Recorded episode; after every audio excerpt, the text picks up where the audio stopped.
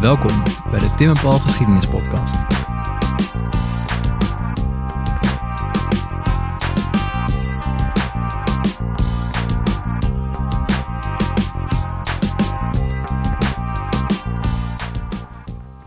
Het is april 1945. De Canadezen staan voor de poorten van Groningen. We doen het vandaag iets anders. We gaan mee op tour. We lopen mee met Joël Stoppels, militair historicus en werkzaam bij de Liberation Route. Hij is dé expert over de slag om Groningen. Onder zijn bezielende leiding lopen we van de buitenste bolwerken tot aan de Martini-toren. Hoe is de slag om Groningen verlopen en wat is daar vandaag de dag nog van te zien?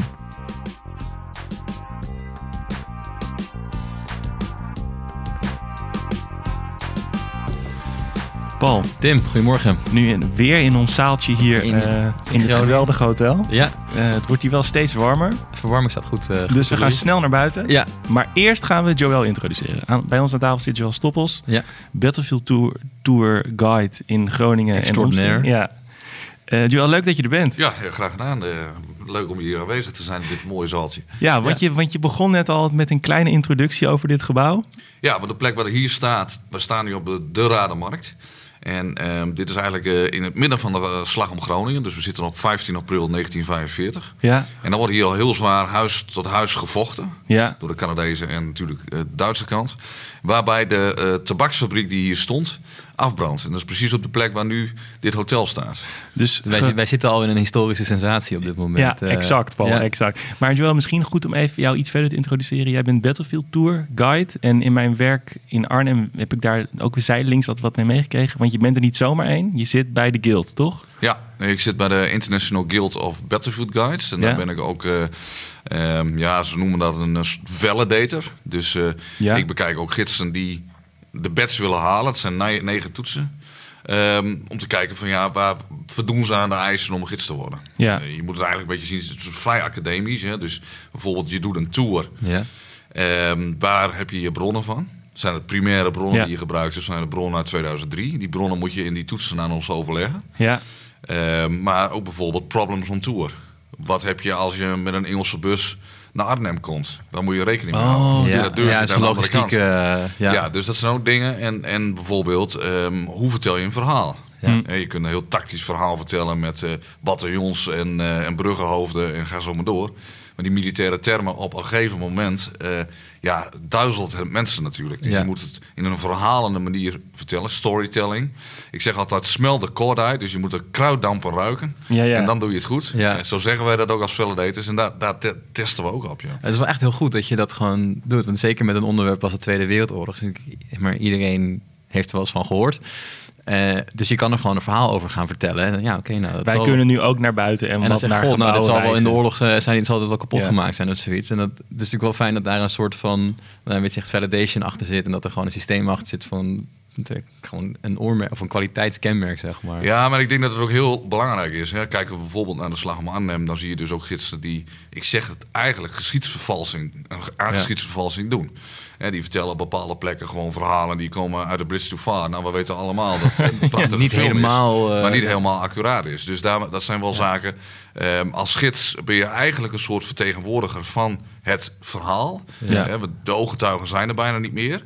Dus het is jouw verantwoordelijkheid om dat verhaal over te brengen aan de volgende generaties. Op een goede manier. Op een goede manier. Ja. Ja. Ehm, en goed voor de meeste tours die ik doe, gebruik ik gewoon primaire bronnen. En dat is gewoon eh aan Sang, eh, de Canadese War Diaries. Ja, en dan ja, vul ja. ik dat aan met ooggetuigenverslagen direct naar 45. Ja. Ja. Ja. want daar zit je natuurlijk ook alweer met een bekend ding, toch? Als je nu die laatste paar veteranen eh, gaat interviewen, dan heb je toch ook een soort van geconstrueerde ja, herinneringen bijna. Zo van, Precies. die hebben dan misschien ook een Bridge Too Far gezien. Ja, en die, Ja. die gaat dan een soort van, ik was er wel bij, maar ik heb ook die film gezien. Ja, ja. En het is allemaal 50 jaar geleden, 80 jaar geleden. Dus hoe zit het nou echt? eh, Ja, je we weten, er zijn ook diverse onderzoeken over gedaan. Hè? Ja. Hoe je dan ook een, een bepaald beeld krijgt eh, naarmate je ouder wordt over een gebeurtenis. Hè? Als je kijkt naar wat ik vroeger als klein kind heb meegemaakt, Ja. heb ik allemaal aangedikt met andere verhalen. Ja, Dus je ziet, ja, maar zo ja werkt net, het. dus zo werkt eh, het, ja. Dus daarvoor zeg ik altijd, je moet heel erg uitkijken bij het gebruik van eh ooggetuigenverslagen. eh, of, of die echt nog relevant zijn. En als je die naast de War Diaries legt, de Canadese gevechtsrapporten, komt dat overeen. Soms dat, strookt dat niet altijd. Want, want waar, waar ha- haal je die op? Ga je dan echt naar archieven in Canada? of Ja, ik ben er wel. In, in, in uh, Canadese archieven hebben heel veel gedi- gedigitaliseerd. Oh, ja. ik, maar ik heb ook goede contacten met eh, historici in Canada. Ja. Dus als ik wat nodig heb, dan, ehm, ja, dan krijg ik het over het algemeen. Maar ik heb een vrij groot archief. Dus ik eh, kan heel Nederland wel dekken met alle Canadese rapporten en stafkaarten. Dus als ik aan die buiten Groningen doe, ik natuurlijk ook tours. Als ik daarheen moet, dan pak ik dan. eh, Ja, want dat is toch ook, ook nog een van de vereisten van eh, de guild... dat je ook nog een aantal andere slagvelden beheerst, toch? Had ik altijd meegekregen? nee, nee, nee. Het is, eh, ja, er zijn natuurlijk gidsen die alleen maar Gettysburg doen, bijvoorbeeld. Ja, ja, ja, ja. Dus die komen nergens anders. Dat is niet echt een eis, maar het is wel zo dat je dan... ehm, kijk, er zijn niet heel veel gidsen. De meeste gidsen zijn gespecialiseerd. Dus je hebt Ja. in Arnhem slag om Arnhem gidsen. Die komen niet buiten hun comfortzone of Arnhem. Er zijn Nee, een paar nee. die ik in kan zetten buiten Arnhem, maar het zijn er niet veel. ja. Eh, dus, dus je ziet wel dat iedereen gespecialiseerd is op een bepaald gebied. En dat kan ook niet anders. Maar ik bedoel, als je alles wil doen, dan wordt... eh, eh, dan word je helemaal een gek. boekenkast hebben. Ik heb Ja. al 500 boeken, als die meer is. Ja. Eh, dan moet je er nog meer hebben. Dus jij, eh, jij bent over Groningen de expert dan? Nou ja, ik zeg nooit zo, maar eh, Nee, wij, mogen van dat, dit wij gebied, mogen dat, eh, dat gaan zeggen. van dit gebied eh, eh, ja, dan heb ik wel alles uitgezocht over geschreven. Ja. Eh, ja, dus er komt ook weer een nieuw Engelstalig boek aan. Dus dat, ja, dat is Ja? wel- Van jouw hand? Ja. Oké, cool. Ja. En mensen kunnen gewoon reserveren bij jou? Ja, ja we hebben, ehm, hoe dat gaat, we hebben een, een stichting, een Remembrance Tours. En daar staan alle tours onder die we nu aanbieden. Dus individuele tours, niet alleen Groningen natuurlijk. We zitten ook Deventer, Slag om Arnhem, eh, het Rijkswald, Oh ja. eh, nou, opmars naar de Rijn. En dus er zijn heel veel verschillende keuzes die mensen kunnen eh, Ja. boeken. En dat ben ik niet alleen. Ik maak Nee. graag gebruik van de expertise van lokale gidsen. Die Ja, kunnen veel beter het verhaal vertellen. Dus dat, dat kan allemaal. Kijk, in privé heb ik ook heel veel tours. Dat is soms wel wat complexer. Maar dat is vaak met Canadezen ook. Dus, Ja. ja. Juist, ja. Is het dan nu tijd om terug te gaan naar 1945? Dat lijkt me heel goed. Zo'n beetje maart, zei je al. Ehm, ja, ja. Kan je ons, dat is heel lastig om aan historici te vragen. Dat hebben we iedere keer als we de vraag stellen. Maar zou je ons heel kort Neem willen... even mee. Heel, Ja. Hoe ging het ook alweer? Precies. Heel kort, Joël. ehm, even naar maart 45. De situatie is toch, Nederland is al, al half bevrijd, niet bevrijd. Ja.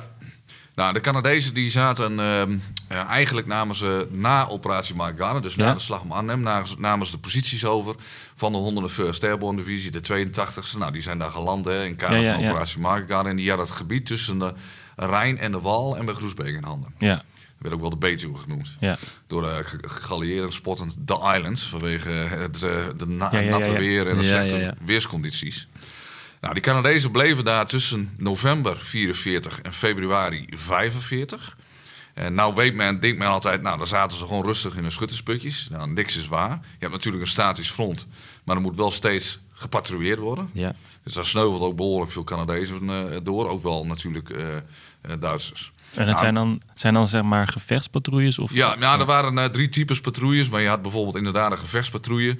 Eh, maar had ook gewoon een verkenningspatrouille. Maar ook een patrouille om een Duitse krijgsgevangen te maken. Ja, ja, voor ja, inlichtingen. ja, ja. dat waren de gevaarlijke patrouilles natuurlijk. Ja. Dan moest je echt diep eh, eh, ja, achter de Duitse linies komen... om een Duitser krijgsgevangen Te te, vinden, ja. Nou, wat daar werd gedaan in die winter... is het opbouwen van de Canadese troepen. Wat ook gebeurde is dat er nog twee divisies... zo'n divisie telde 25.000 manschappen ongeveer... vanuit Italië, die daar vochten vanaf 1943... over te brengen naar het Nederlandse front. Hm. En dat was een, het moest in het geheim plaatsvinden. Alle straatnamen en alle badges af moesten Ja, ja, afge- ja. gedaan worden... zodat die Duitsers niet door hadden Dat er komen dat, 50.000 eh, dat, man. twee, aan. eh, ja, dat de twee, twee divisies over werden gebracht naar Nederland. En die divisies die zouden over de IJssel moeten trekken, bij Arnhem en bij Ja. Gossel, tussen Zutphen en Deventer. En de Veluwe bevrijden en dan door naar het westen van Nederland. Dat was de bedoeling. Ja. Nou, maart 1945. We beginnen eigenlijk terug, eigenlijk nog even naar 8 februari 1945. De Canadezen zijn eigenlijk aan een winterslaap eh, ontwaakt. Ze hebben al heel veel troepen verzameld.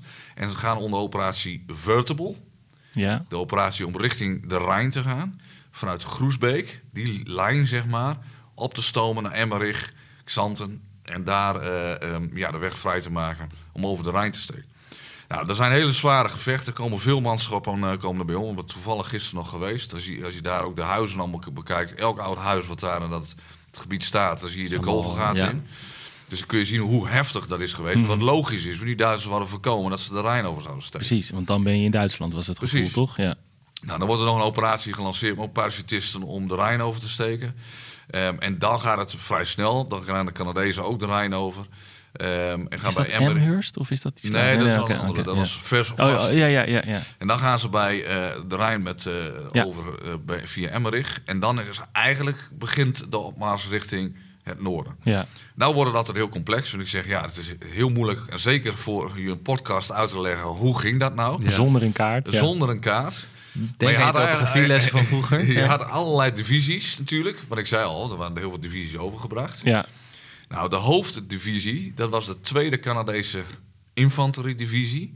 Die stoomde eigenlijk op eh, via Holten, Ommen en dan eh, zo door eh, richting Assen en dan richting Groningen. Dat was eigenlijk de hoofdmacht. ja. Dan had je natuurlijk ook, wat ik al net aangaf, ze gaan over de IJssel bij Arnhem, bij Westervoort en bij Gossel. Ja. Om richting Apeldoorn te gaan en Harderwijk. En dan sluit je eigenlijk het westen van Nederland af. Ja, ja. Als je dat doet. Ja.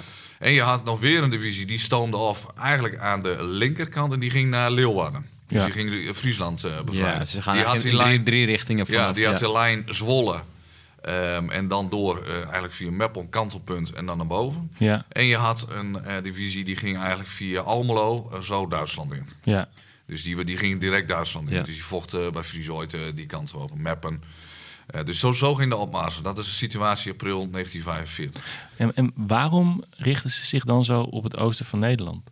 Of was dan het westen dat ze... Was het de, st- ja, wat was de strategie erachter? Nou, kijk, wa- wat, het, wat de strategie is natuurlijk is, is dat je als je het westen van Nederland afsluit door door te gaan naar Harderwijk, ja, sluit je eh, de Duitse troepen en de, waar ontzettend veel troepen zaten natuurlijk in Rotterdam af. ja, Ja. ja, ja. ja, Eén bevrijdt eh, het oosten en noorden van ja, Nederland. ja, ja. Dus dan, dan laat je eigenlijk, ik wil niet zeggen offeren, maar dan, dan, dan negeer je even Rotterdam en Amsterdam, Precies. zeg maar, eh, of Den Haag. En dan van, dat komt dan, als ze dit afsluiten, dan gaan ze zich vanzelf wel overgeven. Nou ja, dat was, kijk, men wist natuurlijk ook wel dat eh, de oorlog bijna was afgelopen. Ja, Dus eh, het was natuurlijk maar een fractie van tijd. En dat wist iedereen. Ja, ja, ja, ja.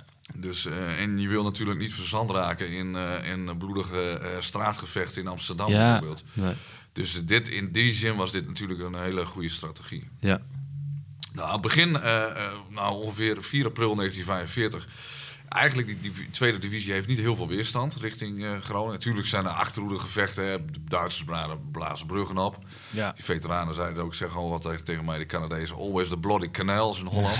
ja, maar blaas je een brug op, moet je weer noodmateriaal, Ja. aan Ja, om zo'n brug te bouwen. En dat zorgt voor vertraging. ja. Nou, eh, er was ook een, eh, een parachutistengeneraal, eh Calvert. En die had eigenlijk een, een, de bedoeling om ook nog Franse parachutisten in te zetten. En die Franse parachutisten die zouden gedropt worden in de lijn eigenlijk vanaf Koevoorde naar Assen. Zo Ja. je dat zien. Eh 702 zouden gedropt worden. En die hadden een aantal, aantal taken. Een van die taken was om inlichtingen te verzamelen over de Duitse troepensterkte in de provincie Drenthe. Mhm. Het eh, in, eh, innemen van belangrijke bruggen. Innemen van de vliegvelden Havelte, Steenwijk en Eelde.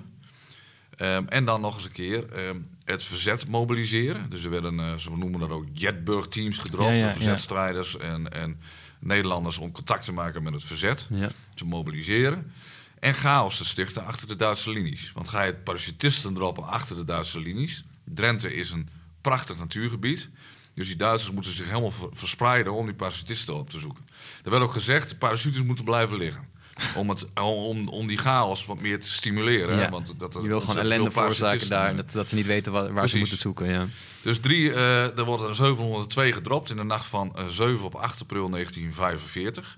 Het was behoorlijk slecht weer. Er zouden jeeps afgeworpen worden, maar door slechte weer kon dat niet. Hmm. Nou, waar heb je mee te maken? Special Air Service, zijn commando's. Ja. Eh, alles te voet doen, dat is ook niet te doen. Die, die jeeps waren eigenlijk voor snelle prikacties. ja, precies. Dus eh, in principe waren ze zonder jeeps, die kwamen pas later, vanuit Koevoorde.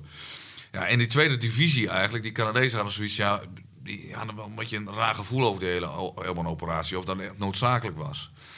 Maar goed, eh, Maar is het dan bijna weer dat ding wat in de slag om Arnhem ook was? Dat je zo'n beetje wisselgeld voelt branden, dat je die parachutisten nog wil inzetten? ja, je, je- je wil het niet zo zeggen, maar ik heb soms wel zo- zo'n Ja, gevoel Van inderdaad. we hebben ze toch, Ja, laten we eens een keer... eh, Ja, laten we ze nog even actie Ja, ja, hebben ja. voordat de oorlog is afgelopen. ja, Ja. we moeten nog even onze Ja. dingetjes halen. En dan, Nou ja, ja. er werden sticks van 15 man gedropt. Ehm 48 sticks.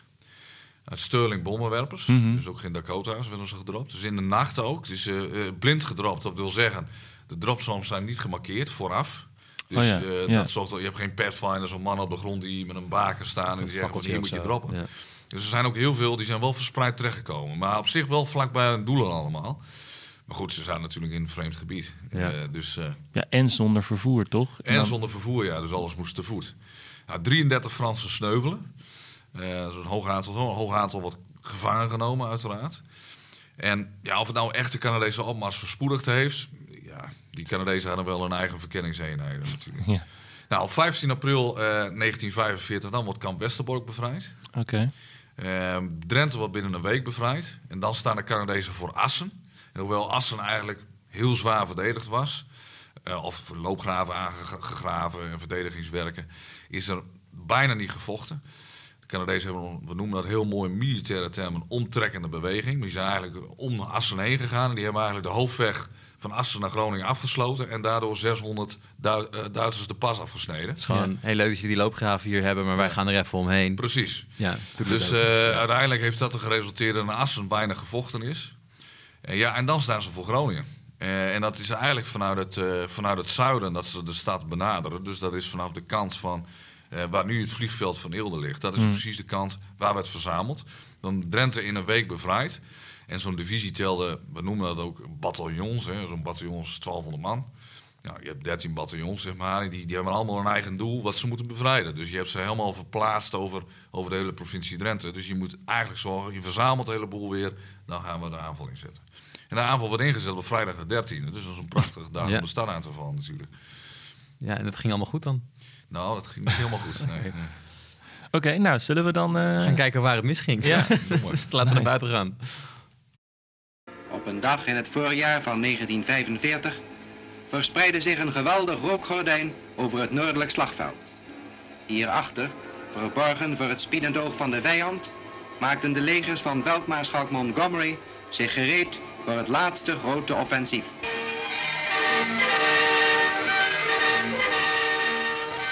We beginnen ons verhaal op de Rademarkt. Daar laat Joël ons wat archiefbeelden zien uit een aflevering van andere tijden. We zien daarop een Canadese soldaat met machinegeweer. Hij schiet op heuphoogte een steeg in. Maar die beelden, daar is wat geks mee aan de hand.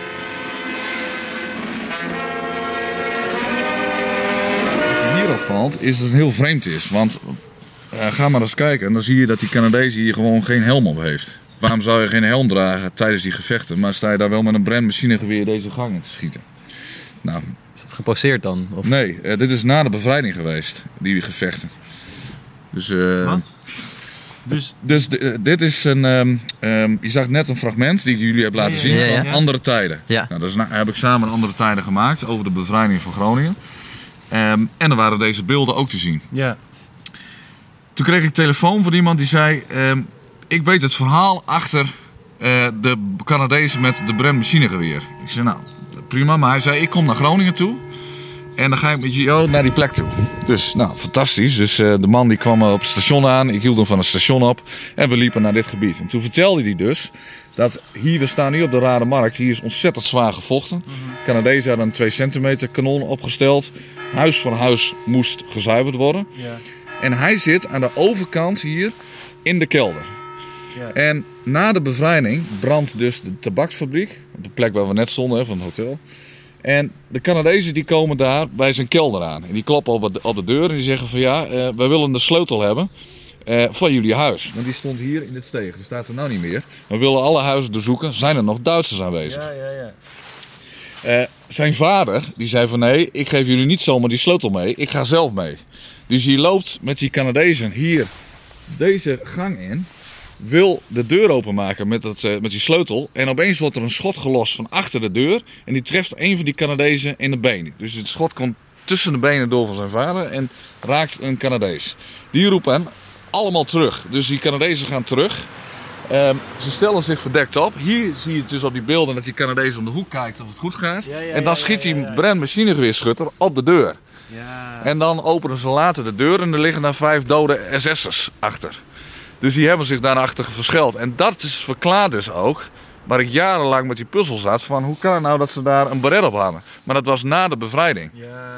Maar met die branding, ik denk dat dat een normale houding is als je zo'n zo'n geweer... Maar hij staat er heel casual. Ja, soort ja, van, ja, ik, heb zo'n brand in, de- soort in de- van- ik heb zo'n brand in de collectie. Als je weet hoe, hoeveel, eh, hoe zwaar zo'n ding is. Ja, Dat is Maar alsof, aardig alsof je net soort van, eh, ik heb een sigaretje opgestoken en ik schiet even wat, eh wat, wat SS'ers overhoofd. Ja. Ja. Maar zo- Maar zo'n braingun is toch ook helemaal niet om zo from the hip te schieten? Nee, Dat is nee. toch gewoon echt een zwaar, of het zwaarste Ja, denk, infanteriemachine ik, ik denk dat ze wel aardig eh, geschrokken zijn van eh, ja, de gevechten, zeg maar. Eh, en, en, en van de heftigheid van die straatgevechten die, die hier hebben plaatsgevonden. Dat ze geen halve maatregelen namen natuurlijk. Ja. En gelijk die brand gebruikten om die hele deur kapot te schieten. Het mooie aan tours geven in de stad Groningen is ook dat je... We stoppen hier even. Gewoon plekken hebt waar exact nog hetzelfde zijn gebleven als in eh, april 45. Dit is de verlengde Oosterstraat en hier is een foto gemaakt. Dan zie je Canadezen hiervoor staan. Ja, ja. Je ziet daar het bordje, dat is nog hetzelfde bordje. Ja, ja, ja. ja, je ziet hier puin op de grond liggen. Dat is puin van de inslagen die je daarboven ziet. Ja. Dus dat is, eh, en die staan keurig hier. Het hekje is nog steeds hetzelfde. Oh, dus je kunt ze eigenlijk in principe er zo weer voor zetten. Ja, De deur is ook nog hetzelfde. Wat kicken. Oh, die deur is hetzelfde, Ja. het hekje is Ja, hetzelfde. eigenlijk is alles hetzelfde, ja. En het puin, dat zijn de... De, de inslagen die je daar ziet. Kijk, daar zie je wel gaten in in de muur. Ja. Eh, kijk, zie je daarboven? Daar Ja. zie je ze heel duidelijk zitten. Ah, dat zijn echt, ik bedoel, je Ja. loopt hier gewoon voorbij en je denkt, nou dat zal wel eh, weerschade zijn. Maar dat is heel, ja, dat nu is je het gewoon ziet. duidelijk, eh, gewoon schade kogelgaten. ja. Dus hier, wat hier, dat puin wat hier terecht is gekomen. Je ziet daar ook nog. Ja. Nog wat schade wat dichter Ja. gemaakt is. We- weten die mensen die hier wonen, weten die dat, denk je? Nou, de meeste niet, denk ik. Joel staat hier iedere week. Ja, dat is waar. Nou, niet op deze plek, maar het is inderdaad. eh, ik heb wel eens een keer een toen en nu foto gemaakt. Die maken we heel veel voor onze social media. Dat Oh, is een beetje tastbaar. En die ging de hele wereld over, omdat dit echt een foto was. Dus zei ze zelf, oh ja, zelfs uit Canada werd gezegd van eh, het bordje is allemaal nog hetzelfde, de hekwerk is hetzelfde, de deur. It's amazing. Ja, ja, ja. We lopen deze kant maar. Dan lopen we via de Heren Singel. En deze singles waren ook cruciaal voor de bevrijding van Groningen. Eh, waarom? Omdat eh, eh, dit eigenlijk ook eh, ja, het begin is van het centrum, richting het centrum te trekken. Wat natuurlijk straks de grote markt is. Ja. Dus die singles zijn heel zwaar verdedigd. En dat had deels ook te maken dat je hier een kanaal ziet. Hè? Ja, gedempt dan nu. Of oh nee, ja, dat kanaal. Ja, ja. Dat is ook. dit is ook een brug geweest die. Eh, nou, die in, in die zin had je natuurlijk in, in de bevrijding van Groningen te maken met 14 bruggen. Ja, ah, die, wat die Duitsers deden is natuurlijk een deel van die brug opblazen. Wat natuurlijk logisch is. En dan gebruik je dat kanaal als natuurlijk een verdedigingslinie. Ja, precies. En, en dan duw je iedereen eigenlijk naar een paar ple- plekken waar je gewoon zand, zandbanken of Precies. Ja, zakken- en dan liggen ze dan achter en dan eh, die Duitsers die beschieten dan eh, het hele gedeelte. En, en daardoor zijn, je ziet wel hele mooie villa's staan, maar er zijn ook tussen, tussenin zie je, nou toch wel villa's die, die kapotgeschoten zijn en die ja, weg zijn gehaald. Maar hier is dus, staat hoofdzakelijk Duitse marine. En die marine die, eh, ja, die Duitse militairen die waren natuurlijk iets van frontervaring. Maar je moet zien, april 45 eh, trokken natuurlijk de meeste troepen, Duitse troepen, zich allemaal terug naar het noorden. Dus je had op een gegeven moment hier een mengelmoes van eenheden. Ja, En die werden samengebracht in, in een soort gevechtsgroepen. kampgroepen. Ja, een soort kampgroepen. En die kregen de naam van hun commandant. Nou, dat bestond meestal uit 100 tot 150 man ongeveer. Maar dat, dat werkte echt best wel goed, toch, Joel? Dat systeem. Ja, en zeker hier. Want je kunt toch niet met eh, complete bataljons van 1200 man door de stad begeven. Ja. Dus je moet toch eh, ja, die kleine groepjes eh, manoeuvreren en zo is natuurlijk perfect. En, Dus dat, en, en dat was dan een man of wat, wat zei je? Hoeveel? dat is een, ongeveer een man of 100 geweest. Per, Zo'n groep. ja, zo'n groepje. En er stond dan een, een luitenant boven of een. Ja, of de commandant van die groep. Ja. Daar kon hem eh, een eh, kapitein zijn. Ja, of, ja. eh, Ja. dat is in die zin eh, was dat, eh, ja, dat, dat wisselde zeg maar. Ja, ja. Dus, Natuurlijk ook gewoon afhankelijk van wat er nog wel is. Wie is er nog om leiding Ja. te geven? Ja. Ja. Nou, we komen nu bij, eh, zoals ze zeggen, het Herenplein. En als je goed kijkt, zie je dat dit gedeelte hier en aan de rechterkant, dat gedeelte is helemaal eh, ja, kapot gekomen. Eh, er zit nu de bank. Ehm, dat heeft deels ook te maken dat deze brug, de Herenbrug, dat is de brug die de Canadezen hebben gebruikt Ja. om de binnenstad binnen te gaan. Ah, oké. Gaan. Ja, dus, dus op, dit plein zie je inderdaad nog een... Tenminste, een oud stukje, maar ja, dat een kan oud ook stukje en... eh, schijnbedriegt misschien. Maar... zijn bedriegt, want de rest is eh, opgebrand. En de, eh, Groningen is ook de stad waar het meeste gefotografeerd is en heel veel beeldmateriaal van is. Want je had in Amsterdam ook heel veel amateurfilmers die hier naartoe waren gevlucht. En die pakten allemaal hun camera toen Ja, de bevrijding begon. ja, ja. Dus we hebben ontzettend veel beeldmateriaal. Eh, kijk maar eens op YouTube Groningen in de oorlogstijd. Dan zie je ook beelden van dit plein, de Herenplein. En dan het heel gedeelte in brand staat hierachter. Oh, wauw. Ja. Nou, wat is hier het verhaal? Eh, de Canadezen, we zitten op eh, 14 april 1945. Ja. En rondom bij het 6 uur besluiten de Canadezen deze brug te gebruiken, de Herenbrug, om de binnenstad te bestormen. Ik, eh, eh, dit plein in handen te krijgen. Ja. Nou, er was een, een Schots Canadese bataljon, dat noemen ze de Essex Scotties. Die krijgt de opdracht om met kangaroo tanks, dat waren tanks zonder koepel. Maar men had er bedacht van als je die koepel eruit haalt, dan kun je daar elf zwaar bewapende Canadezen zetten en kun je het gebruiken als gepantserd vervoer. Ja, Maar ja. dan kan je wel heel makkelijk een granaatje erin gooien, toch? Ja, dat zou kunnen, ja. Want die, die Duitsers zaten hier allemaal in de villa's. Nou, er ging een major, eh, ging hier eh, de brug op. Die ging een verkenning uitvoeren. Nou, levensgevaarlijk natuurlijk. Deed hij dat in zijn eentje. Daar kreeg hij ook medaille voor om te kijken van hoe kunnen we nou de beste die brug bestormen. Nou, eh, dat, dat werd bekeken. Hij zei, nou, dat is prima, dat wil wel. Dus gaat hij onder vuur, gaat hij weer terug. Hij zegt tegen die vier kangaroo tanks, nou, ga maar bestormen. Nou, die kangaroo tanks bestormen als een duivelse klonne, klonne gaan ze hier die Herenbrug over. De Herenbrug hebben die Duitsers geprobeerd op te blazen, maar nou, hij was een beetje opgewipt, voor de rest niet. Dus gelukkig konden ze nog gebruiken. Komen hier aan. Manschappen springen eruit en komen in bloedige gevechten terecht. Wat natuurlijk logisch is. Want in al die villa's zitten Duitsers. En zij staan midden op het plein. Zij staan midden op het plein. Die, een van die kangaroo tanks, dat gaan we straks zien, die slaat de verkeerde weg in. En die raakt verdwaald. Dat, dat gebeurt natuurlijk, want die, het is een stad met smalle straten hier. Frank Cooper, dat was een van de chauffeurs van een van die kangaroo tanks. Die parkeert zijn tank bij een van die villa's. Ze halen hun machinegeweren van de tank af en plaatsen die in de villa's om die Duitsers te beschieten. En ondertussen kijkt hij om zich heen en denkt hij van... Jongen, jongen, wat een prachtige schilderijen zien we hier. Dus een van die schilderijen haalt hij van de muur af. Hij rent onder vuur naar buiten en probeert hem in de kangaroo tank te krijgen om mee te nemen terug naar Canada. Dan zegt hij later ook, ja, het schilderij was te groot, ik kon hem niet meenemen. En eh, ja, dat waren ook niet mijn orders, dus ik heb hem laten staan. Dus wat, wat ermee gebeurd is, dat weet ik niet. Nou, die gevechten hier die eh, gaan duren voort tot ongeveer eh 11 uur in de nacht. Die, of 11 uur in de avond op 14 april. En dan worden ze afgelost door een, een Frans-Canadees sprekend bataljon. Dus Dat heb lesfusie. je natuurlijk ook nog. Precies, die spraken Frans. en die kregen de opdracht om eh, vanaf hier door te stoten naar de Grote Markt. Wat uiteindelijk het einddoel was van Ja, ja, ja. ja. de, Van slag om Groningen. Ja. Nou, er zijn ook een aantal bekende foto's. Er is één foto dat een Duitser hier midden op de brug ligt. Ehm, en ik denk, ja, dat, is, dat laat je toch niet laten liggen daar midden op de brug. Dan Ja. kom ik later weer tegen in een van de verslagen. Dat is als ze met de tanks over de brug willen rijden, die later komen, leggen ze die Duitsers ook aan de kant neer. Er zijn twee foto's gemaakt. Eén foto met lazen aan en een andere foto zonder lazen. Dus waarschijnlijk is er een Groninger geweest die dacht van nou, Mooie laars, het is winter. het is winter, ik moet die lazen weer hebben. Dus die heeft die lazen uitgetrokken. Oh, wauw. Nou, dus eh, eh, na de bevrijding zijn hier ook nog eh, bekende foto's gemaakt van doedelzaksbands. Want die Schots-Canadese bataljons hadden allemaal hun pipes en drums mee. Ja, ja, ja. Dus de Essex Scotties zijn hele bekende beelden gemaakt na de bevrijding. Dat ze hier staan te spelen op het Herenplein. En dat er allemaal Groningers omheen staan te klappen. Daar zijn ook fantastische foto's gemaakt.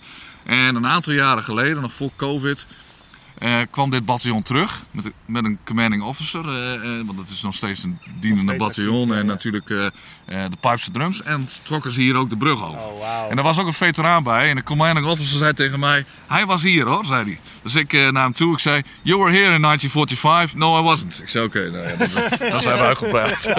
Ja, dat wordt een mooi verhaal, lekker kort. Ja. Oh, wauw. Maar, zeg maar, dat dan die kerel uit die ene tank in het huis gaat zitten. Dat is toch slim, maar ook best wel dom, toch? Want hij is ook helemaal in zijn eentje. Ja, maar er zijn natuurlijk ondersteuning van de rest van de Ja, infanterie. oké. Maar eh, ja, die... ja, was was natuurlijk... Ze waren midden in de gevechten. Hè. Het was ook donker al inmiddels Ja. geworden. Ja, want dat vind ik ook lijp. Dat ze wel, want je hoort toch altijd wel dat, zeg maar, s'avonds vechten is best wel onhandig dan nog, toch? Er is Ja. gewoon Kijk, en, en, en eigenlijk voor stadsgevechten ben je nooit echt goed getraind. Hè? Je kunt als militair en infanterist heel goed getraind zijn. Maar huis en huis zuiveren is een vers- verschrikkelijke klus. Ja. Dat is, eh, dat, dat, dat is, ja, je weet niet wat er achter de deur zit. Je hebt ook wel verhalen dat de mensen in de kelder zitten en, en voor in het huis Duits horen spreken en achter in het huis eh, Engels. Ja. Dus eh, kijk, want als je hier goed kijkt, zie je ook wel dat hier de villa's, de meeste stukken, ja, kapot zijn gekomen. Ja. Ja. Omdat hier gewoon die, die gevechten hebben eh, plaatsgevonden. Dus dat zorgt er ook voor dat die... En die singles eh, in het, in het groenperk hier in het midden, daar hadden ze loopgraven gegraven. En eh, daar zaten die Duitsers... Dus dit was echt, echt een soort bastion fort ja, ja, ja, ze hadden hier het flink verdedigd. De, de munitie lag niet hier, die lag in de brandstegen hierachter. Omdat als er een granaat in zo'n loopgraaf terechtkomt waar de munitie zit, Ja. Ja, dan, Dan, dan houdt het heel snel op voor iedereen die dan houdt het heel snel op.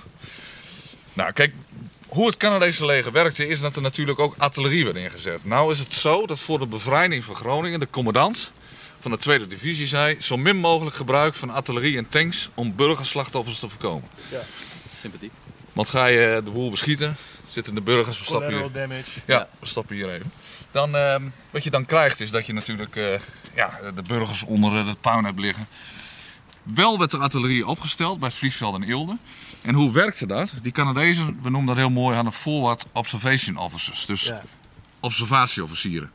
Die gingen met de fronttroepen mee en brachten alles nauwkeurig in kaart. Hadden een radio bij zich. Met die radio maakten ze contact met de artillerie. En dan, die kregen de coördinaten en dan vuurden ze. Nou, een van die forward observation officers was ehm, een, eh, een, een kapitein van, eh, van de artillerie. Die, eh, Captain Blackburn, die het station bereikt. Want dat ligt hierachter. Ja. En ehm, dat zitten we op zaterdag 14 april 1945. En dat wemelt hier nog van Duitse militairen. En hij vraagt aan een van de Nederlanders die aanwezig is in het station: kun je even de loodsdeur even op een kier zetten? Want ik wil met mijn verrekijker dit gebied bekijken. Ja. Nou, dat gebeurt. Met een, eh, een hoop lawaai wordt de deur op een kiertje gezet. Hij pakt zijn verrekijker en dan ziet hij hier twee Duitse stafauto's staan. En die stafauto's die worden met allerijl ingeladen met koffers en met allerlei andere spullen. Waarschijnlijk die officieren wel natuurlijk Ja, ja, de stad uit. maken dat ze wegkwamen. maken dat ze wegkwamen. Dus hij vraagt zijn radio operator, eh, maak contact met de artillerie. Nou, we hebben nu een mobiele telefoon, dan bel je op. Dat ging best lastig met die radioverbindingen. Maar hij krijgt contact, eh, brengt de coördinaten, eh, stuurt hij door naar de artillerie. En er vliegen een paar granaten hier precies op het doel. En die twee eh, eh, auto's die klappen uit elkaar. Ja. En dan is het afgelopen. Eh, ze noemen dat mooi, zegt hij ook in zijn boek, precies in de roos. En je ziet nog steeds de schade van die inslagen hier zitten. Kijk, zie je dat? Zie je er nog een stuk uit de muur? Oh, ja, ja, ja. Ja. Weet je wie dat waren, die mannen? Waren dat echt, zeg maar... Nee, dat is een beetje onduidelijk. We weten wel veel van de, van de Duitse kant, maar niet exact wie dat, wie dat exact waren Ja, die ja, hier ja. weggingen. Ja. Maar hij is wel... Ja, dat is een mooi verhaal, ja. Maar die zijn dus een soort van, oh, doe, jij, doe jij de deur even op een kiertje, dan kan ik, Kan kan ik gaan zien. Vervolgens wordt het meteen goed gecommuniceerd Ja. en precies raakgeschoten. Ja, maar als de, als eh, de kanonnen goed hadden ingeschoten en de coördinaten werden goed doorgegeven, dan kon je op 7 meter, in die tijd konden ze het vuur nauwkeurig krijgen. Wauw. Ja, want ja, wat, wat, wat je net vertelde, want je wil geen burgerslachtoffers hebben. Als ze er een drie, vier meter naast zitten, dan schiet je hier gewoon de hele eh, gevels aan puin hier. Ja, precies. Dus dat, eh, ja, dat wil je niet natuurlijk. Wat ze ook hadden was een, eh, een Piper Cup vliegtuigje. Die vloog ook hier boven de stad constant. En daar zat ook een observatieofficier, een, een waarnemer in. Ja. Die ook vanaf daar eh, contacten eh, maakte met de artillerie. En eh, ja, de boel doorgaf, de coördinaten. Maar die werd dan niet eh, onder vuur genomen of zo? Of?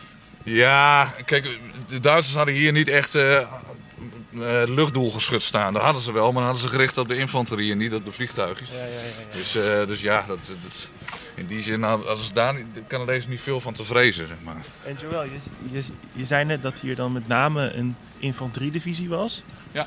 Hoe zit het dan met zeg maar, de structuur daarvan, als we net wel het ook over die tanks hadden? Ehm, moet ik me dan echt voorstellen dat er 25.000 man aan de wandel gaat? Of, Ja. Nee, eh, dat, eh, nee zo, kijk, je had eh, 13 bataljons. ja? Ehm, en hoe werkte dat eigenlijk? Is dat er een heel nauwkeurig plan werd gemaakt. En, en de stad werd opgedeeld in sectoren. En hoe ze dan werkte is dat eh, elk bataljon was verantwoordelijk voor één sector. En als ze dat gezuiverd hadden, werden ze afgelost. Ja, ja. We gaan hier even uh, oversteken. Dus zo werkte dat. Ehm, en tanks hadden ze uiteraard tot hun eh, eh, beschikking. Dat was een, een- een- gewoon een bataljon die toegevoegd is Ja, ja, ja. en, eh, en 50 tanks. Maar goed, in die zin moet je altijd uitkijken dat je ehm, ja, met tanks, eh, wat ik al net aangaf, eh, ga je de boel zwaar onder vuur nemen, dan, ja, dan, dan heb je ook met burgerslachtoffers te maken. Ja. Maar die waren niet geëvacueerd, dus dat is... Ja. Me. Je hebt wel een mooi uitzicht op het station. Ja, ja en, en dan begrijp je veel beter hoe die man vanuit die loodsdeur Precies. dat ook Met kan zijn verrekijkertje. Eh, ja.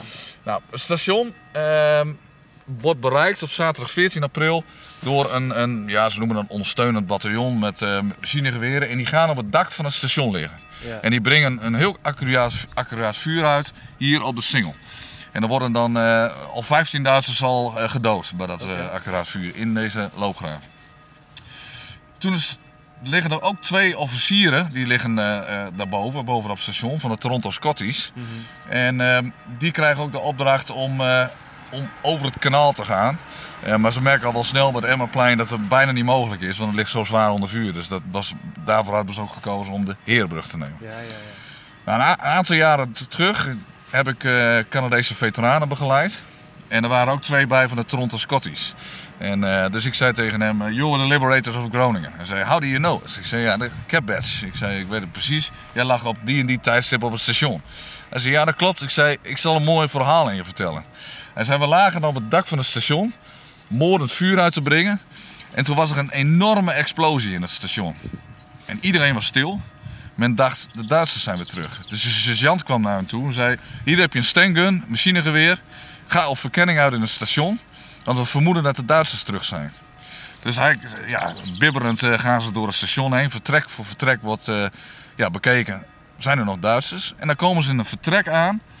Dat helemaal onder het stof hangt, eh, steengruis. En dan komen er twee Canadezen tevoorschijn van de engineers, de genie, die de brandkast hadden opgeblazen. Om even te kijken of er wat in zat. Ja. Nou, eh, op dit tijdstip er zijn er ook 256 granaten afgeschoten vanaf Eelde op negen verschillende doelen in de stad. Maar dat is meer over de stad heen richting het oosten en het noorden om de vluchtroute te blokkeren uit de stad. Dus niet zozeer de doelen hier in het centrum zelf. Dus, eh, Ook luid. ja. Ehm, we hebben het net eh, behandeld, de Herenbrug. Ja. Vier kangaroo tanks raakten, Ja. rijden over de brug. Eén van die kangaroo tanks die raakt eigenlijk verdwaald. En dat is de kangaroo eh, tank met de naam Phyllis. Geen turret erop. En deze kangaroo tank, eh, twee bemanningsleden, Eén onder andere meneer Boyce, Ja. die zit voor in de tank en die komen hier op een dooigemakje hier in deze straat aanrijden. En op dat moment denken, denken beide heren van nou, wat vreemd, want er zijn helemaal geen burgers op straat.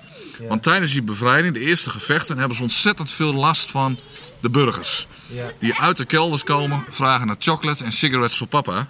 En dat was natuurlijk levensgevaarlijk. Ja. Beide heren denken van, dat zit niet goed. En dan komt er plots een Duitser uit dit pand, het hoekpand, tevoorschijn met een panzerfaust, een bezoeker. Vuurt die panzerfaust af, raakt de voorkant van die kangaroo tank en daardoor raakt hij stuurloos en klapt hier het huizenblok in. Als je in een Sherman tank zit, heb je maar vier seconden om eruit te komen. Maar hier zitten gelukkig geen luiken, dus je kunt veel sneller die tank uitkomen.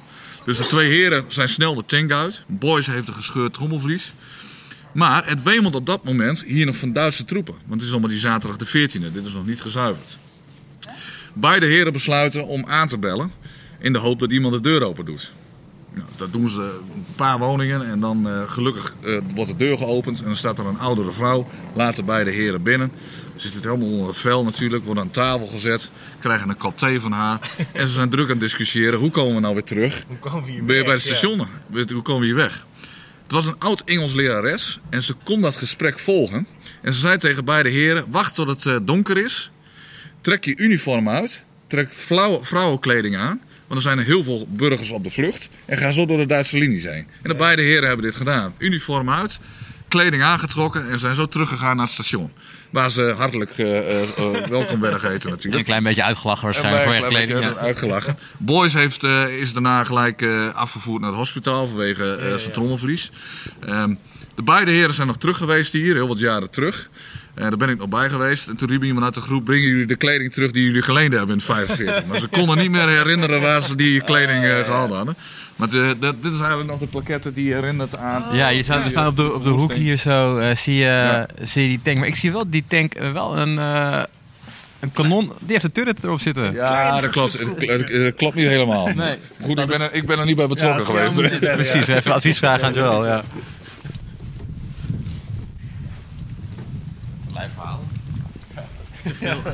Maar het, het, heeft ook wel een beetje Sjors en Jimmy gehaald. Ja, ja, ja. Kijk, je Timmerpal zit in een tank en we gaan even de stad in. Ja, ja, ja, het is een beetje... Ja, kijk, en dat is het punt ook wat je hier hebt hè, met eh, die bevrijding. Is dat, dat zijn allemaal smalle straten. Die Cana- de Canadezen noemen het ook wel urban warfare. En de tweede divisie, de infanteriedivisie, die landde in juli 44 in Normandië. Die vecht zich door Normandië en gaat zo door naar de eh, Schelde en dan naar Nijmegen. Jeetje joh, zijn ze er allemaal geweest? Ja, ja, dat zijn ze allemaal geweest. Het punt is een beetje dat eh, aan die hele opmars hebben ze geen straatgevechten gehad of geen echte Ja. stadsgevechten. Dus dit was ook een beetje een vuurdoop in die zin dat ze eh, eh, op een gegeven moment een hele eh, divisie moesten inzetten om dan zo'n stad te bevrijden. Ja. Die gasten hebben wel, wel gepokt en gemazeld. In, Die hebben gewoon enorm veel ervaring inmiddels met vechten en onder vuur liggen. Maar dan in deze situatie is het dan weer net anders dan Ja. wat ze eerder hebben meegemaakt. Ja. Heb je een idee van zeg maar zo'n divisie, 25.000 man die hier dan komt? Ja. Hoeveel procent daarvan is die hele opmars erbij geweest? Kan je dat? Eh, daar is, Is dat lastig? Dat is eh, wel lastig, maar we weten wel dat er zelfs bataljons zijn waarvan geen enkele officier meer betrokken is geweest in Normandië. Die zijn precies. allemaal afgewond geraakt, gesneuveld. Ja. Ehm, dus dus de- ze hebben enorme verliezen geleden eh, bij de Schelde ook. Dus de manschappen die hier opereren waren vaak ook alweer ja, nieuwe aanvullingen. Ja, ja, ja. Ehm, het probleem wat het Canada had is dat het eh, leger ehm, bestond uit vrijwilligers. Ja. Aan het begin van de oorlog was iedereen gemotiveerd om deel te nemen. Maar toen er steeds meer eh, mensen hoorden dat s- mensen sneuvelden, ja. was er minder eh, bereidwilligheid natuurlijk om vrijwillig Hier. diensten Ja. te gaan. Ja. Want de rest was allemaal dienstplichtig. Of die, ja, eh, dus het? het werd op een gegeven moment aangevoerd. eh, ja, dan moest dat allemaal zo snel aangevuld worden. En dus er werd steeds kortere trainingen. En dat resulteerde dan ook wel weer in meer slachtoffers natuurlijk. ja, kortere training, slechtere soldaten eigenlijk. Of Precies. minder voorbereid. Dan, Ja, ja. Dus je bent er- in die zin ben je, ja, ben je, ben je veel kwetsbaarder. eh. Ja. Dus Ja, terwijl je juist zou denken dat je veel groter het potentieel hebt. ja, Toch? Dat, dat, dat is de paradox er dan aan. ja, dus je bent, eh, ja, in die zin is het is, is eigenlijk dat het dan meer sneuvelen. En dat is, eh, ja, daar werd op een gegeven moment ook over geklaagd door de officieren. Ja? richting Canada. Dat ze gezegd van ja, dit kan niet langer zo. Zo'n korte training, dat is dat, dat- ja, los van het feit dat je ook moet uitkijken dat je mannen die totaal geen frontervaring hebben, direct naar het front stuurt. Ja. Want die, die krijgen gelijk een vuurdoop, wat misschien enorm verschrikkelijk is, waardoor ook heel veel ehm, gelijk direct PTSS hebben bijvoorbeeld. ja, die mensen worden meteen getraumatiseerd Ja, als ze op... eh, je bent één dag in Nederland, ga je maar... eh, Dus waar, ze, ja. waar ze veel last van hadden, was ook oorlogsneurose. Dus dat je, dat je tics kreeg of, of dat ze een soort shock, in shock raakten van wat ze zagen. Waardoor ze ook afgevoerd moesten worden naar het hospitaal. Dus dat, eh, ja, Op zich dat, ook best logisch, toch? Als je Ja. hier in zo'n situatie terechtkomt. ja. Kijk, we lopen nou richting het centrum. We zitten nu op het Zuiderdiep. Ja. Dit, is eigenlijk, eh, dit was eigenlijk de ring eigenlijk rondom de binnenstad. En dit was verdedigd door, eh, we noemen dat Flax. Dat was een soort luchtafweer. Maar Ja. de Duitsers gebruikten dat hier om de Canadezen te beschieten. Dus die werden hier allemaal geplaatst om ja, de opmars te blokkeren. Maar waren dat dan van die, van die twee centimeter? Ja, dingen? twee centimeters, ja. En die stonden hier Met een dan. granaatje toch ook? Ja, Ja, dat... werd een hoge vuursnelheid. Kon je geen tanks meer uitschakelen, maar kon het wel de infanterie behoorlijk moeilijk maken, de Canadezen. Nou, dit eh, gebouw, die hier op de hoek staat, dat is, al- werd ook wel eh, het Weermachtsheim genoemd tijdens Ja. de bezetting. Ja. Dat was een kantine voor de Duitse militairen. En na de bevrijding is dit gebruik, in gebruik geweest als de Beaver Club. Want eh, wat heel weinig mensen weten is dat die Canadezen na de bevrijding van Groningen, en- heel Nederland eigenlijk, moesten wachten tot november 45 voordat ze terug konden naar Canada. Maar er was te weinig, ja, dus er was te weinig scheepsruimte. In die tijd ehm, heb je te maken met eh, eh, honderdduizenden Canadezen. Die vermaakt moeten worden. Die, de- waar allerlei dingen georganiseerd moesten worden. En ondergebracht moesten worden bij mensen thuis ook vaak. Nou, we weten uit onderzoek dat hier in Groningen 6000 gelegerd zijn geweest. Tot en met november 45. Nou, Nijmegen zaten eh, manschappen. Amsterdam was dan bijvoorbeeld een heel belangrijke plek om op verlof te gaan. Ja. Daar waren echt honderden vrijwilligers daar aan het werk in Amsterdam om tours te organiseren voor die Canadezen. Entertainment en ga zo maar eens door. Maar dit was dus de Beaver Club. En we weten ook, we hebben ook wel veel foto's dat er een oproep werd gedaan in Groningen voor Engelse eh, eh, boeken. En gaan ze maar door, tijdschriften, zodat ze dat hier konden lezen. Maar je kunt nagaan dat heel veel van die Canadezen plots is de oorlog afgelopen. Ja, dan moet je een boekje lezen. En dan zit je, zit je hier nog een half jaar. Dus daar was, daar werden heel veel niet vrolijk van natuurlijk. Los van het feit dat er ook irritaties ontstonden, ontstonden tussen de bewoners en de Canadezen. Die vaak of dronken waren of met die jonge chronische vrouwen ermee vandoor gingen. Ja. Wat, eh, wat ook niet altijd in dank werd afgenomen. Dus, eh, maar dit was dus eh, de Beaver Club. En die had ook een bioscoop hier. Die had hier eh, allerlei andere dingen. Die werden gewoon... Waar, waar komt die naam vandaan? Ja, dat zou ik niet weten, maar het is wel een typische Canadese naam. Ja, dat is, ja. Beaver Club. eh. En het is misschien ook wel het beeld wat Nederlanders bij Canada hebben, toch? Gewoon be- bevers en hout, houthakkers. Ja, Ja, ja, bevers en houthakkers, ja. Ja, en, en ehm, ik heb ook een documentaire gemaakt, die kun je op YouTube vinden. The Man of the Maple Leaf. En dat gaat ook over eh, eh, die tijd, ehm, de, de, de zomer van 45. Eh, waarbij eh, de wederopbouw is. Maar ook, ook van, ja, hoe werden die Canadezen nou eh, vermaakt? Je had complete Nederlandse bands. Onder andere in Groningen had je de Flying Fingers. En die werden door de Canadezen rondgereden in trucks. En die gingen van dancing naar dancing. Die hierin. Ehm, om ze de Canadezen te vermaken. En die werden uitbetaald in sigaretten. Wauw. Want ja, eh, in die tijd was sigaretten. eh, Iedereen rookte. Goud waard. Ja, iedereen rookte turten bij. Iedereen nog zo gestrest, alleen maar peuken roken. Ja. Dus dan ging je dan, eh, ja, een sigaret of kauwgom of, eh, of chocola. Wat natuurlijk eh, massaal hier naartoe werd gebracht. Ja, dat zorgde er wel voor dat je... eh, dat natuurlijk hartstikke... Mensen natuurlijk dankbaar waren dat die Canadezen er waren. Ja, kijk, je ziet hier ook weer op de hoek. Hier ook weer zo'n pand. Is ook weer afgebrand. Helemaal nieuw. Ja, helemaal nieuw, dat hoekpand. Ja, dit zijn al die... Dit, deze straten geeft ook een beetje een beeld van hoe vervelend het is om hier eh, eh, een strijd aan te gaan. Omdat je allemaal pakhuizen, woningen hebt, smalle straten, kanalen met allemaal bruggen, Allemaal blinde hoeken ook. blinde hoeken. Dus je zit, eh, ja, je zit hier echt met... met dat je, je wil naar de grote markt, maar je moet eerst zorgen dat die zijstraten vrij zijn van Ja, Duitsland. want hemelsbreed vanaf hier naar de, de grote markt is, wat zal het zijn? Een metertje 500 of zo? Ja, zoiets ja. En het punt wat je ook hebt is dat eh, eh, je had heel veel Duitsers met antitankwapens. Dus tanks inzetten in stedelijk gebied, dat is echt waardeloos. Dat is heel moeilijk. Eh, want er kan achter elk raam een Duitser zitten met zo'n panzerwaus. Die kon je in je eentje bedienen. Ja. Ja, daar kon je zo, wat we net zagen, ook een tank mee uitschakelen. En dan, dan staat je tank ook gewoon dubbel geparkeerd over de straat. Kan niemand anders Daar meer kan langs. niemand er langs. Dus dan heb je... Gewoon een natuurlijk obstakel gemaakt. Ja. Dus dat is, eh, dat is ook het probleem. Kan je in zo'n stadssituatie wel een strategie maken, bedenken? Ja, dat, dat was er wel. Hè, want ik had net aangaf, ze hadden op de stafkaarten hadden ze de hele stad verdeeld in vakken. Ja, ja. Eh, maar die kregen bijvoorbeeld, eh, we gaan hier nog rechtdoor. Die, kregen bijvoorbeeld eh, namen zoals volleybal 1, volleybal 2, volleybal 3, eh, baseball 1, baseball 2. En hoe ging dat? Dan veroverden ze bijvoorbeeld volleybal 1. En dan werd er door de radio doorgegeven, volleybal 1 is gezuiverd, we gaan door naar volleybal 2. En zo werd dat heel systematisch werd dat, eh, gezuiverd. Echt zo'n scho- schoongeveegd Ja, per, ja. per sector. Alleen wat er wel gebeurde is vaak, dan zaten ze in volleybal 2 en dan zaten de Duitsers weer in volleybal 1. ja. Maar die, die, Ja, gewoon weer lekker teruggekomen. ja, of die, die, die, die, die trokken ergens anders weer terug. Ja, want die zijn natuurlijk ook niet achterlijk. Die begrijpen ook hoe het werkt, toch? Precies. En het punt wat je ook mee hebt, is dat als je een hele divisie inzet, dus je hebt 13 van die bataljons, dat je nog, nog moet uitkijken dat ze met elkaar eh, onder vuur Ja, gaan nemen. Ja. Dus daarvoor was eh, coördinatie wel heel belangrijk.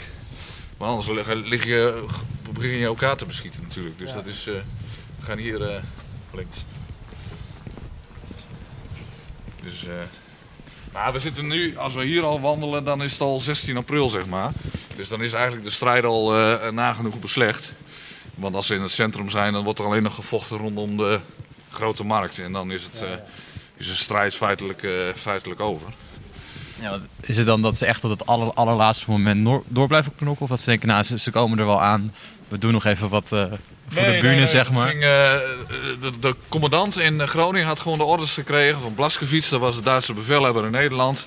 Het tot de kosten van alles de stad Groningen houden. Om de vluchtroute naar de havenplaats Delfzijl open te houden. Ja, ja, ja. ja, ja. Dus eh, ja, hier, eh, We lopen ondertussen door de, door de... door de, de scherven van... Van gisteravond. Ja. Ja, maar dat is... eh, ja, dat, dat krijg je natuurlijk. Maar dit is een beetje... eh, dit- is eigenlijk nog het laatste stukje, zeg maar, wat, eh, wat bevrijd wordt. En dan is het, eh, gaat het op weg richting eh, de grote markt. Maar wat ik net al om je vraag te beantwoorden, is dat eh, de Duitsers gingen gewoon door tot het allerlaatst. En dan eh, geven ze de stad op. En trekken ze zich terug naar het noorden van... Heb je dat Van de- boek gelezen van Ian Kershaw, Tot de Laatste Man? ja, Ik vind dat zo idioot om niet te realiseren. Dat Ja. dus echt gewoon bij die mensen een idee was van... We gaan gewoon door totdat we dood zijn. ja, En we gaan gewoon... Dat Ja. niemand zegt, ja, krijg jij even lekker Ja, de... zoek het even uit. Eh, het is duidelijk dat we, dat we weer aan het verliezen zijn. Ja. Ik wil ook gewoon naar mijn familie toe die te groeten. propaganda moet je niet vergeten. Die propaganda was ook heel goed, wat we nu ook in de Oekraïne zien bijvoorbeeld. Ja. Dat die Russen eh, eigenlijk er al- van overtuigd zijn dat ze in, in een oorlog zijn met het beste. Ja. Wat gevoed wordt door de staatstelevisie. En in die zin wisten die Duitsers ook niet anders. Ja. Er zijn ook wel eh ooggetuigenverslagen. Dat Du- Duitsers worden gevraagd bij Delfzijl. Van, nou, hoe staat het ervoor? Dat ze zeggen, nou de vliegtuigen die je hoort zijn onze vliegtuigen. En de Engelsen worden net zo bloedig teruggeslagen als, eh, als wij in Rusland. Ja, ja, ja. Ja, terwijl je dan heel duidelijk vanaf... Je ziet zeg maar dat ze gewoon niks meer te halen hebben hier, Nee. toch? Dat gaat niet vanaf dat punt, is het toch echt wel klaar, zeg maar. Ja, dus dat, en je moet nagaan dat er natuurlijk ook een hele grote groep SS'ers bij aanwezig was. Ja. Die, ehm, ja, die ook geruchten hoorden van dat die Canadezen geen krijgsgevangenen maakten bij de SS. Dus dachten van ja, dan, dan maar door tot eh, dood volgt. ja. Tot de laatste man en de laatste kogel. En dan eh, in de hoop dat, eh, nou ja, dat we iets kunnen vertragen. We zijn eigenlijk nu beland op de laatste ja, punt eigenlijk van de slag om Groningen. En die heeft hier plaatsgevonden. Want we staan hier nu te kijken naar dit gebouw. Het voormalig Rijksarchief in Groningen. 16, ap- eh, 16 april 1945. De Grote Markt is bevrijd. ja. Een handvol Duitsers, ongeveer 200 man. Onder leiding van een, eh een major Matschek, de Duitse garnizoenscommandant. Die nemen intrek in dit gebouw. Matschek die neemt plaats op een, eh, in een kamer op de tweede verdieping. En zijn militairen hebben dit helemaal zwaar in verdediging gebracht. Ja. Dus archiefkasten omgegooid. ze liggen allemaal zwaar bewapend achter die kasten. Barricades opgeworpen. Het is één grote chaos. ja. Nou, de gemeenteambtenaar, de ambtenaar berust eh, en verantwoordelijk voor eh, wat zich hier plaatsvond, die had het proberen te voorkomen door een zware balk voor die deur te plaatsen. Maar goed, dat had niet zijn uitwerking, want die Duitsers zijn natuurlijk gewoon naar binnen gegaan. Er valt de stroom uit ehm, eh, de nacht van, van zondag en dan komt hij hier aan en dan komt hij hier in het archief aan en dan treft hij een enorme ravage. Hij treft een Duitse officier en die zegt van ja, wat is hier de bedoeling van? Dan zegt die officier, nou, dit is onze laatste stand. Ja. Hier gaan we ons eh, eh, verdedigen. En die gemeenteambtenaar zegt, ja, ehm kunt u mij beloven dat u het gebouw spaart? Nou, als die Duitse eh, officier zei, dat kan niet. Want ja, in Duitsland hebben, hebben ze ook alles plat gebombardeerd. Dus dat zal hier ook wel gebeuren. Nou, hij krijgt nog twee petroleumlampen mee die hij in zijn opslag heeft, zodat hij zelf ook weer licht heeft. Hè? Want hij zit hiernaast, waar hij dat torentje zit, in het provinciehuis met zijn familie te schuilen. Nou, er was een, eh, een luitenant, Jimmy Matt Dextrace. Mad? Matt, dat was zijn bijnaam die hij had- had gekregen in, eh, in, eh, in Normandië. Ik voel iets aankomen, Dit is een hele leuke jongen dit. En die is op eh, 16 april eh, op de Grote Markt aanwezig. En die hebben net de Grote Markt gezuiverd. Eh, denken eigenlijk dat de slag om Groningen voorbij is. Of helemaal is afgelopen. En dan volgt er een schot vanaf dat eh, eh, torentje door een Duitse sluitschutter. En een motorordonnans wordt dodelijk geraakt. En Jimmy Mad Dextrace is dus mad. Want eh, eh, de hele stad Groningen eh, heeft hij eigenlijk bevrijd. En dan sneuvelt er nog een van zijn manschappen. Ja. Dan verschijnt er plotseling een Duitse officier bij zijn linies op de Grote Markt. En die zegt met een witte vlag, ik, wij willen wel onderhandelen over overgave. Nou, Jimmy Dextrace die had een vertaler bij zich. Dat was een Nederlander, sergeant Workum. En hij zei van nou prima, ik ga met je mee. Eh, dus die reden met een Brengen carrier naar dit Rijksarchief. Ja. Die Duitse officier loopt naar binnen. Maar Jimmy met sergeant Workum, die staan voor het Rijksarchief. En die denken van, ja, wat gaan wij doen? Want ze weten ook, het is zwaar bewapende militairen binnen. Jimmy Dextrace, die frommelt wat in zijn, eh, in zijn zak.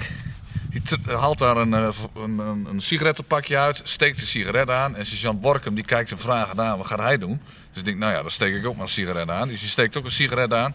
Beide heren doen de handen in de zakken en lopen zo nonchalant het gebouw binnen. Dan is het muisstil.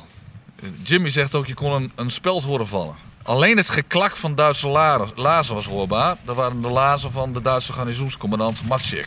Die halverwege de trap blijft staan en oog in oog kijkt met Jimmy Dextrace. En Jimmy zegt tegen hem, geeft u zich over? En dan zegt eh, deze commandant, nein, ik capituleren niet. Nou, Jimmy was helemaal complex. En ik denk, ja, ze willen on- onderhandelen. Ja, ja.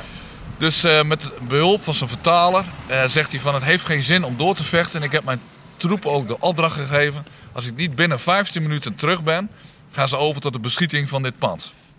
Nou, hij, hij zei prima, Eh, ik blijf me gewoon verzetten. Dan zegt Jimmy, ik heb eh, je hele staf krijgsgevangen gemaakt. Ik heb eh, meer dan 3000 krijgsgevangenen gemaakt. De strijd is gewoon over.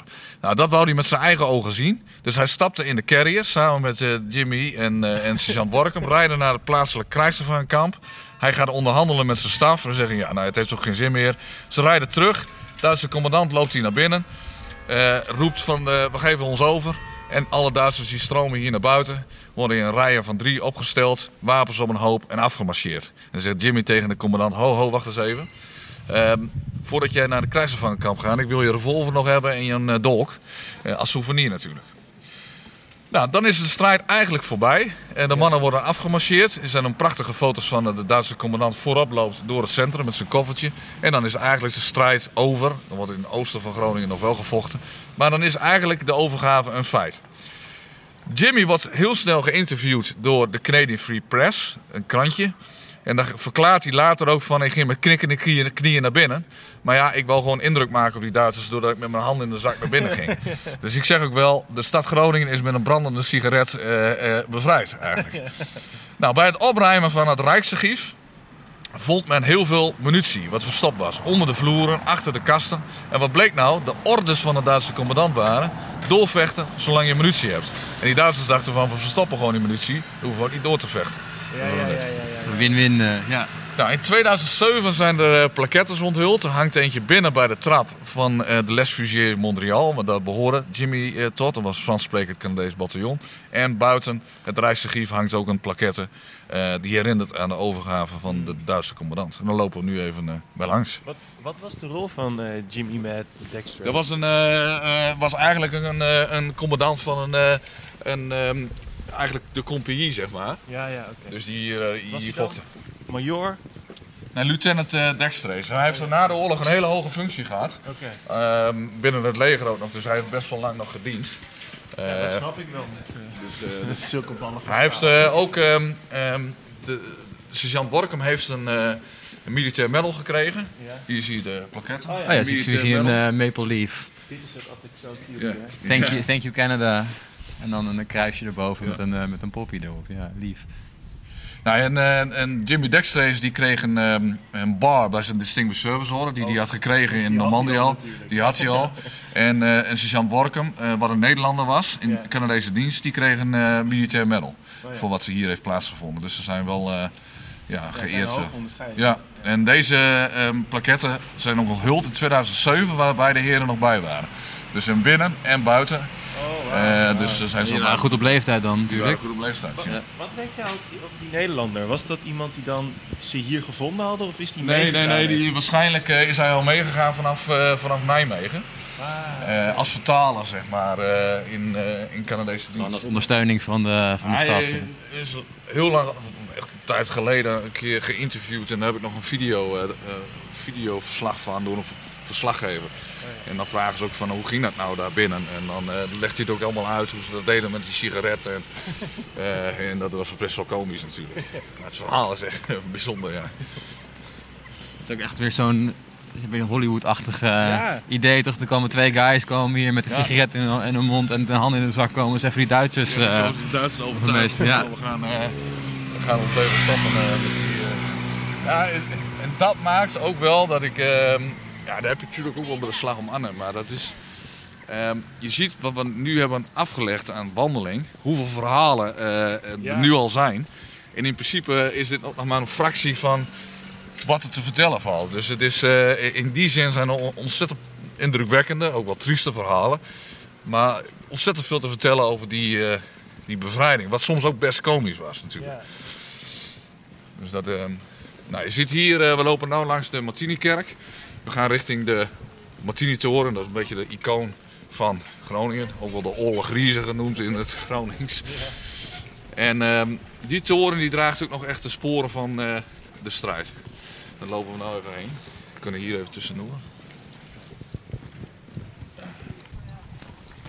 Nou, je ziet hier, eh, ehm, je ziet hier al de, de inslagen zitten. Kijk, hier erboven ook allemaal. Ja, ja. En daar ook allemaal aan de zijkant. Het is gewoon op ooghoogte. Hè? Dit kan je gewoon eh, zien vanaf de straat. En wat je, ehm, dit is de Martini-toren natuurlijk. Eh, de Martini-toren was een icoon. Ehm, in Groningen is dat een icoon. Hè? Je ziet ook overal, eh, als je naar Groningen gaat, dan staat het, het icoontje van de Martini-toren. Ja, we konden zakjes drop kopen in het hotel met de Martini-toren. Oh, ja, ja, ja, ja.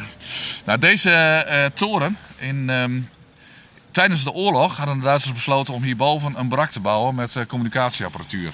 En dat stond in, in verbinding met het vliegveld in Eelde. Vlogen de vliegtuigen over Groningen. Er kon de koers bepaald worden en doorgegeven worden aan Duitse jachtvliegtuigen. Dat was eigenlijk de functie van die barak. In 1943 komt meneer Van Zwieteren, dat was de opzichter van het restauratieproject. Want ze waren de toren aan het restaureren, in die barak aan. En die vindt daar een pak van 12 kilo springstof. Dus hij schrikt zich wezenloos. Dus hij zegt tegen die Duitse officier: Ja, wat is hier de bedoeling van? Ja, die Duitse officier zegt van... Als de Tommies voor Groningen staan, blaas ik de hele toren af. Nou, die meneer van Zwieteren die, die schrok zich eh, echt helemaal kapot. Die denkt, dat moet ik voorkomen. En gaat naar de lokale NSB-burgemeester in het stadhuis. Hij eh, vertelt het verhaal en die man zegt van... Ik heb andere kopzorgen, niet die toren. En die stuurt hem weer weg. Dus meneer van Zwieteren die krabt zich achter de oren en denkt van... Hoe ga ik dat oplossen? En die koopt twee grote voorhamers. En met die voorhamers komt hij terug bij die Duitse officier en zegt van hiermee kun je dat communicatieapparatuur kapot slaan. Dan hoeft hij niet de toren op te blazen.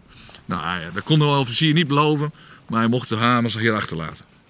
12 april 1945, dan rinkelt de telefoon bij meneer Van Zwieteren thuis. De Duitse officier die zegt, wil je alsjeblieft komen bij de toren? Dan komt meneer Van Zwieteren hier aan. Het is één grote chaos. De hele grote markt, zeker de noordzijde, wordt helemaal in verdediging gebracht. Wemelt hier van zwaar bewapende Duitse militairen. En hij treft hier de Duitse officier die tegen hem zegt van... Ja, hier heb je die voorhamers, sla het apparatuur maar kapot. Hij zegt, ja, hallo, ik ben geen militair, dat is niet mijn taak. Wat ik wel wil doen, zegt hij, is het vat van 200 liter benzine dat vol- boven op de toren ligt... met die zware generator om stroom op te wekken... om die, te laten, eh, om die uit de toren te halen.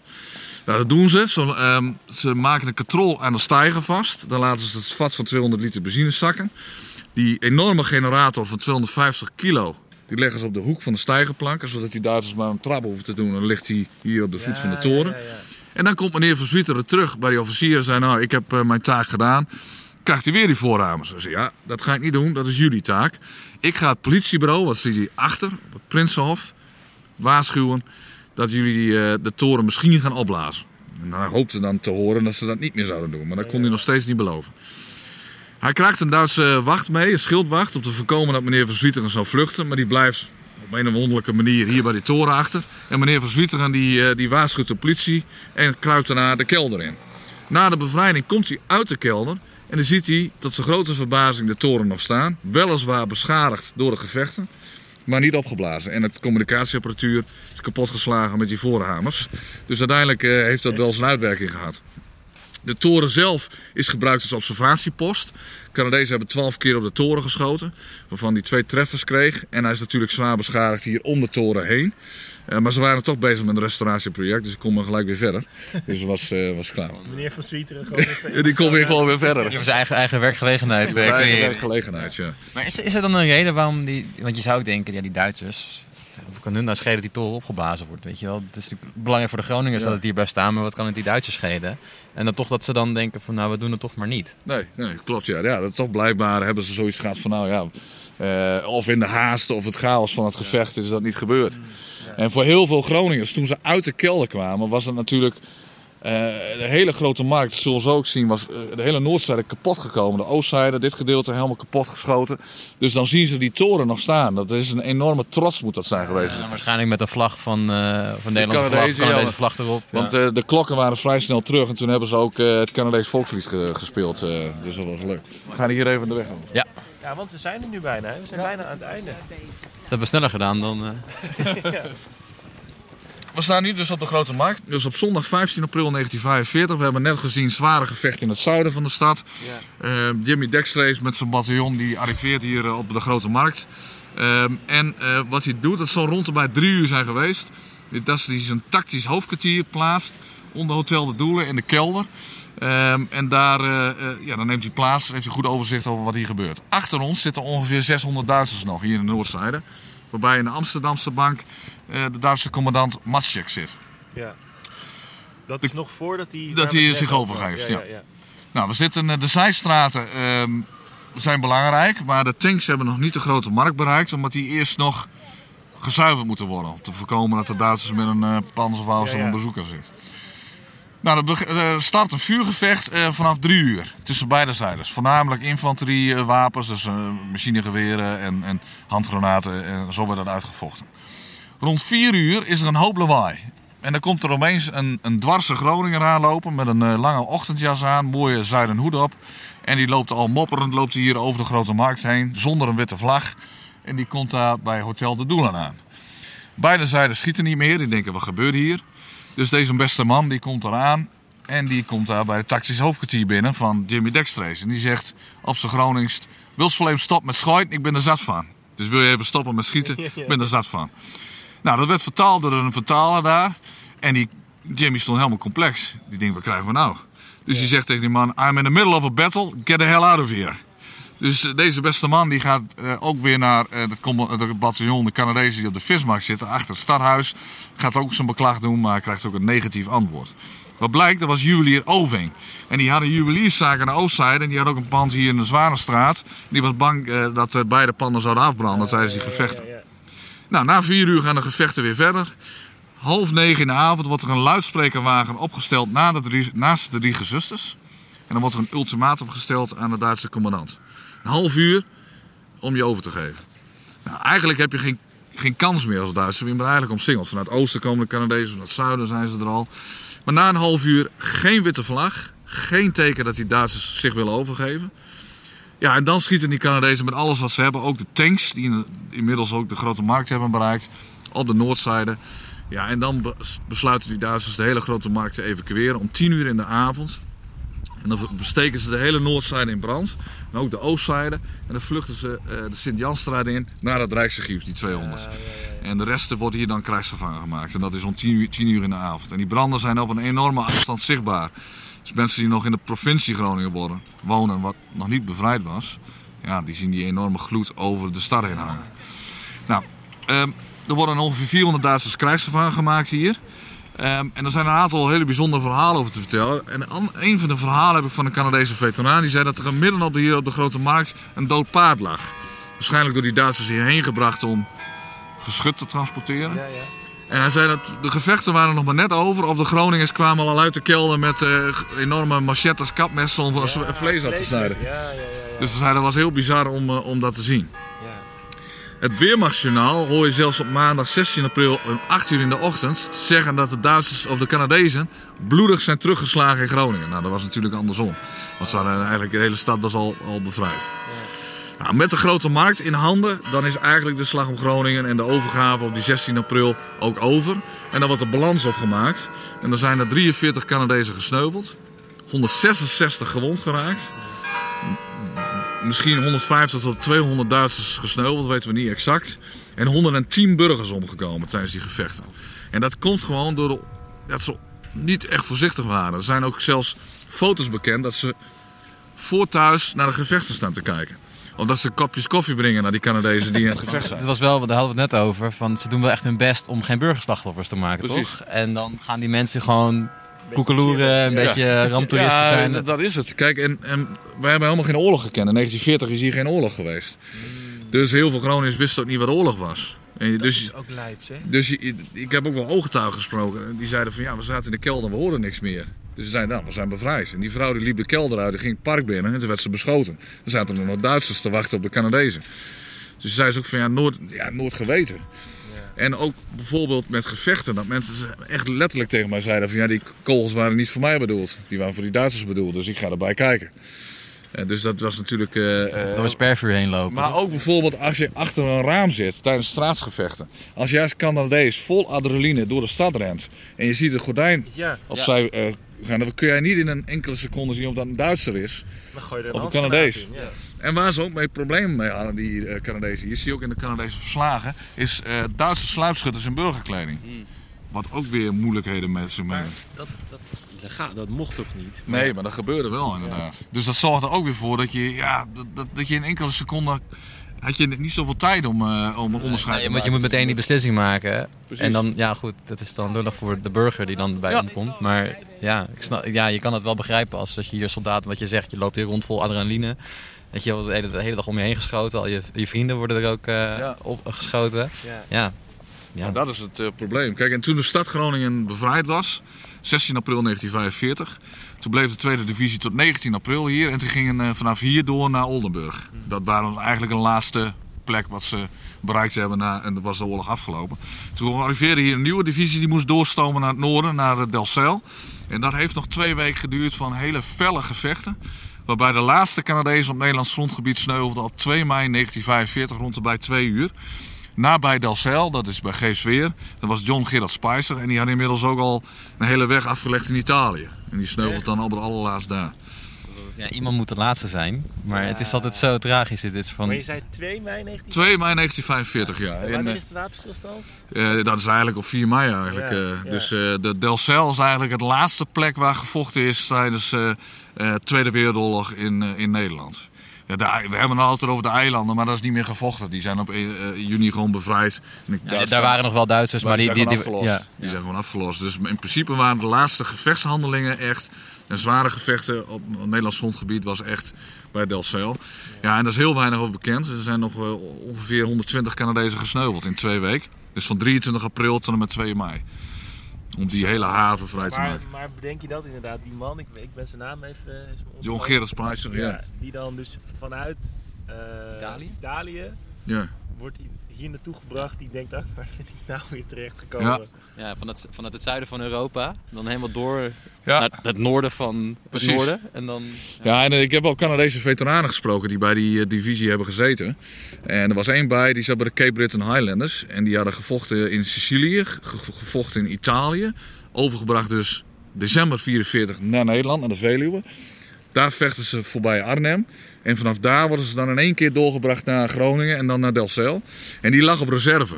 Maar omdat er zo zwaar was gevochten, werd toch besloten dat ze ehm, de havenplaats moesten aanvallen. En die moesten op 29 april langs de dijk oprukken.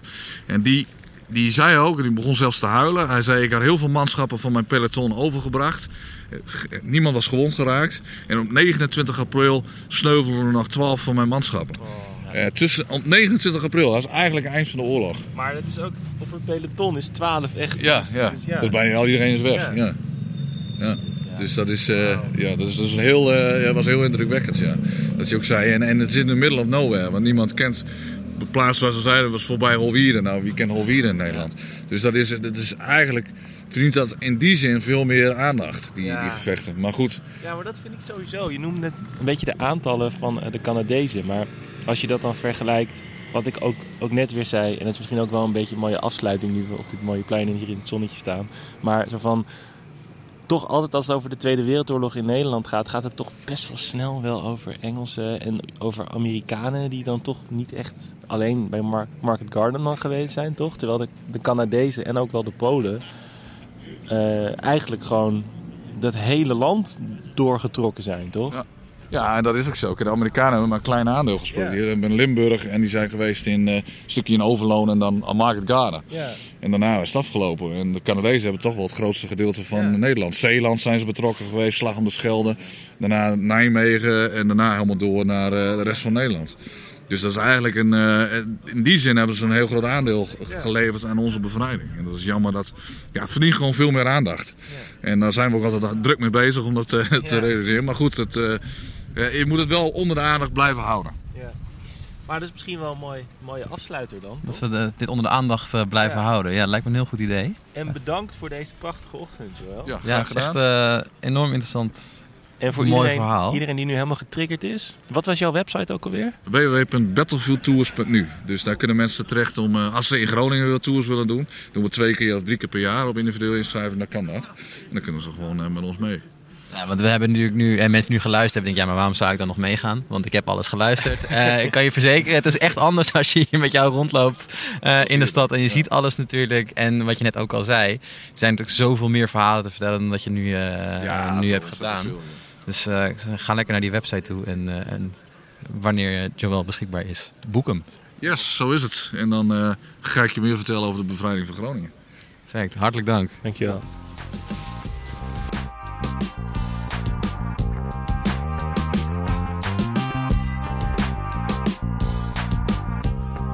Je luisterde naar de Tim en Paul Geschiedenis Podcast.